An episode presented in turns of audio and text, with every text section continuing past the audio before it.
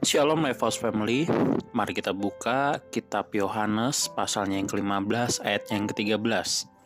Tidak ada kasih yang lebih besar daripada kasih seorang yang memberikan nyawanya untuk sahabat-sahabatnya. Jika kita berbicara tentang sebuah komunitas, maka di dalamnya ada nafas. Mengapa saya menyebutnya sebagai sebuah nafas? Di saat kita membangun atau membentuk sebuah komunitas, pastilah di sana kita sedang menaruh sebuah visi, atau sebuah pandangan ke mana komunitas ini akan dibawa. Dan biasanya di saat kita membangun sebuah komunitas, kita akan menyamakan visi kita. Khususnya goal dari komunitas ini dibangun. Beberapa kali saya sering tekankan ke adik-adik rohani saya bahwa nafas dari sebuah komunitas ini sangatlah penting. Mengapa?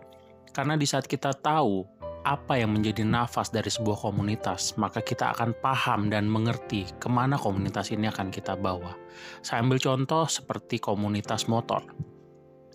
Di saat orang-orang yang memiliki jenis kendaraan bermotor yang sama dan memiliki CC yang sama dan mereka memiliki satu hobi yang sama, maka di sana ada kesatuan visi. Di saat ada kesatuan visi, maka mereka akan membangun sebuah aktivitas di mana aktivitas ini tentunya akan terkait dengan hal-hal yang berikatan atau bertalian dengan kendaraan bermotor. Contohnya, seperti kendaraan motor beroda dua Nah, ini biasanya kalau Bapak Ibu lihat komunitas-komunitas motor seperti ini sangat banyak di luar sana. Dan biasanya komunitas seperti ini terbentuk dari kesamaan visi atau hobi yang sama di mana mereka menyukai kendaraan-kendaraan yang sama pula. Dan di sana menjadi wadah tempat mereka berkumpul dan biasanya Ujung-ujungnya output dari komunitas seperti ini adalah bakti sosial, di mana mereka melakukan touring bersama dan di tempat tujuan mereka, mereka lalu melakukan kegiatan-kegiatan yang sifatnya sosial seperti memberikan sembako atau membantu pembangunan rumah ibadah dan masih banyak lagi. Dan biasanya kegiatan kegiatan-kegiatan seperti ini mereka rancangkan mungkin awalnya hanya sebagai sebuah aktivitas mengisi kegiatan biar komunitas tersebut memiliki sebuah aktivitas.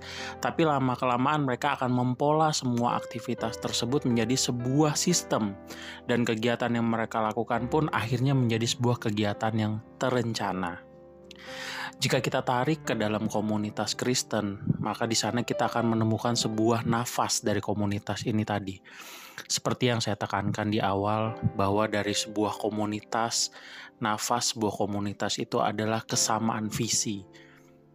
Dan beberapa kali di saat saya membawakan firman Tuhan kepada adik-adik rohani saya, saya menekankan kepada mereka, jikalau kamu adalah sebuah komunitas anak-anak Kristen, maka carilah nafas dari komunitas ini apa.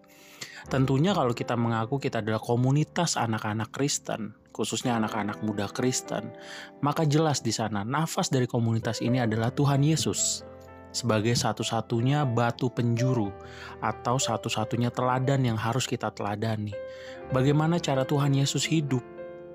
Maka seperti itu jugalah komunitas ini harus hidup setiap pribadi yang ada di dalam komunitas tersebut masing-masing harus bisa memberikan sebuah teladan atau sebuah acuan dalam mereka melakukan kesehariannya, dalam mereka melakukan perkataan mereka, dalam mereka bersikap di saat ada sebuah masalah. Ini akan menjadi kesamaan visi bagi anggota-anggota komunitas yang lainnya.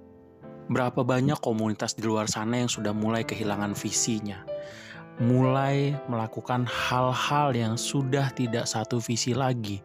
Bahkan tidak banyak komunitas yang terpecah belah karena visi mereka sudah mulai memudar dan muncul visi-visi baru di dalam sebuah komunitas.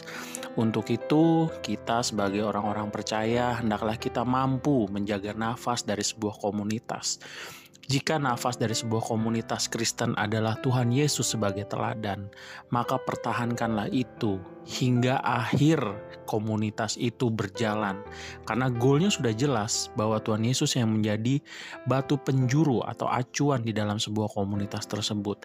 Di saat komunitas itu melandaskan Tuhan Yesus sebagai satu-satunya acuan, maka niscaya setiap aktivitas yang dimunculkan, kegiatan yang dilakukan, pastilah semua akan mengacu demi kemuliaan nama Tuhan.